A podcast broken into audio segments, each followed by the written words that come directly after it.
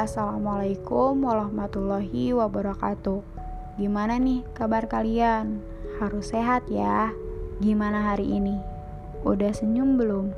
Atau lagi capek? Untuk yang belum senyum, ayo dong senyum dulu. Tunjukin sama dunia kalau kamu tuh lagi bahagia. Dan untuk yang lagi capek, jangan lupa istirahat ya. Jangan mau kalah pokoknya sama COVID. Eh, by the way, kita belum kenalan ya. Kenalin, nama aku Diska Nabila. Pokoknya kalian terserah deh mau manggil aku apa aja, senyaman-nyamannya kalian temenan sama aku aja. Nomor induk mahasiswa aku 2006928 dari Fakultas Ilmu Pengetahuan Sosial Prodi Pendidikan Sosiologi 2020 Universitas Pendidikan Indonesia. Kalian pasti tahu dong persoalan apa yang bakal aku bahas. Iyalah jelas tahu ya, udah tertera juga dalam judul. Ya, bener banget. Kita di sini bakal bahas tentang COVID-19. Pastilah ya, semua orang tuh kenal dia. Bahkan nih ya, seluruh dunia aja tuh tahu tentang dia.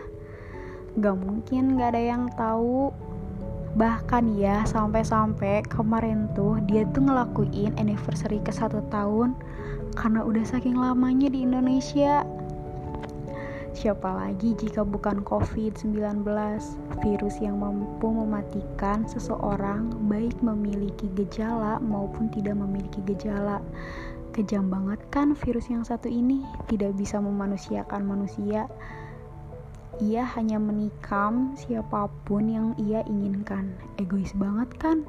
Kayaknya COVID perlu pendidikan deh di prodi pendidikan sosiologi agar dia paham, tahu, dan mengerti gimana caranya memanusiakan manusia. Canda deh, COVID kan nggak bisa disentuh, hanya serpihan yang terbang di udara tanpa kita tahu. Ya lebih tepatnya ke kalian gak bisa sentuh idola K-pop kalian.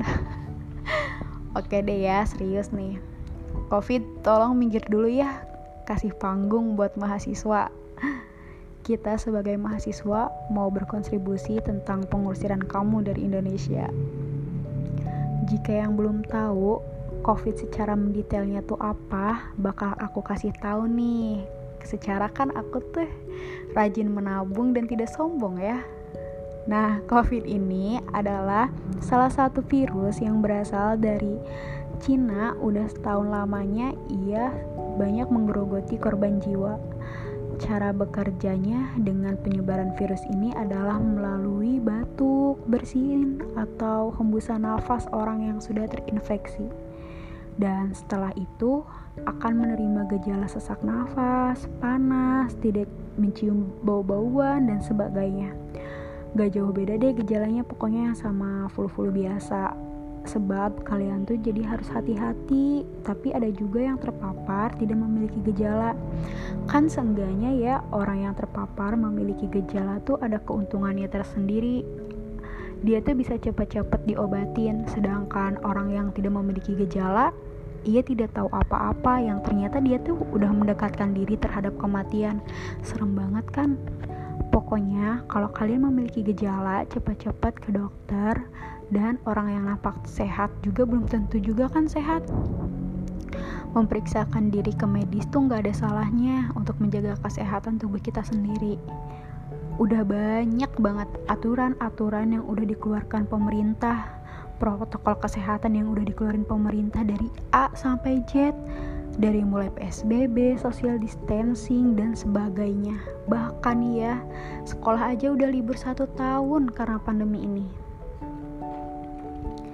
Tapi kenapa ya masih ada covid sebab terjadinya keegoisan pribadi diri sendiri. Sebagai mahasiswa, generasi penerus bangsa yang harus berpartisipasi pada tiap-tiap permasalahan di Indonesia, maka pandemi sekarang ini memerlukan peran mahasiswa untuk terusirnya COVID-19 ini. Dengan cara lebih menekankan sosialisasi penggunaan masker, cuci tangan, sosialisasi jaga jarak fisik, termasuk juga menggalang dana bantuan sosial berupa sembako kepada orang-orang yang maaf ya kurang mampu, terkena PHK dan sebagainya. Kita juga sebagai mahasiswa bisa melakukan program pembagian masker atau kata-kata pedas tentang COVID dalam bentuk poster agar mereka tuh paham akan bahayanya COVID-19 ini dan pentingnya menjaga kesehatan mereka dan mampu melakukan kunjungan secara virtual bahwa COVID itu ada, COVID itu dan COVID itu berbahaya. Dan untuk mahasiswa kesehatan juga bisa bertindak membantu pemerintah sebagai relawan untuk melakukan vaksinasi COVID-19 ini kepada masyarakat. Pemerintah sudah berusaha melindungi masyarakat, mahasiswa sudah menegaskan untuk penegakan protokol kesehatan terhadap masyarakat.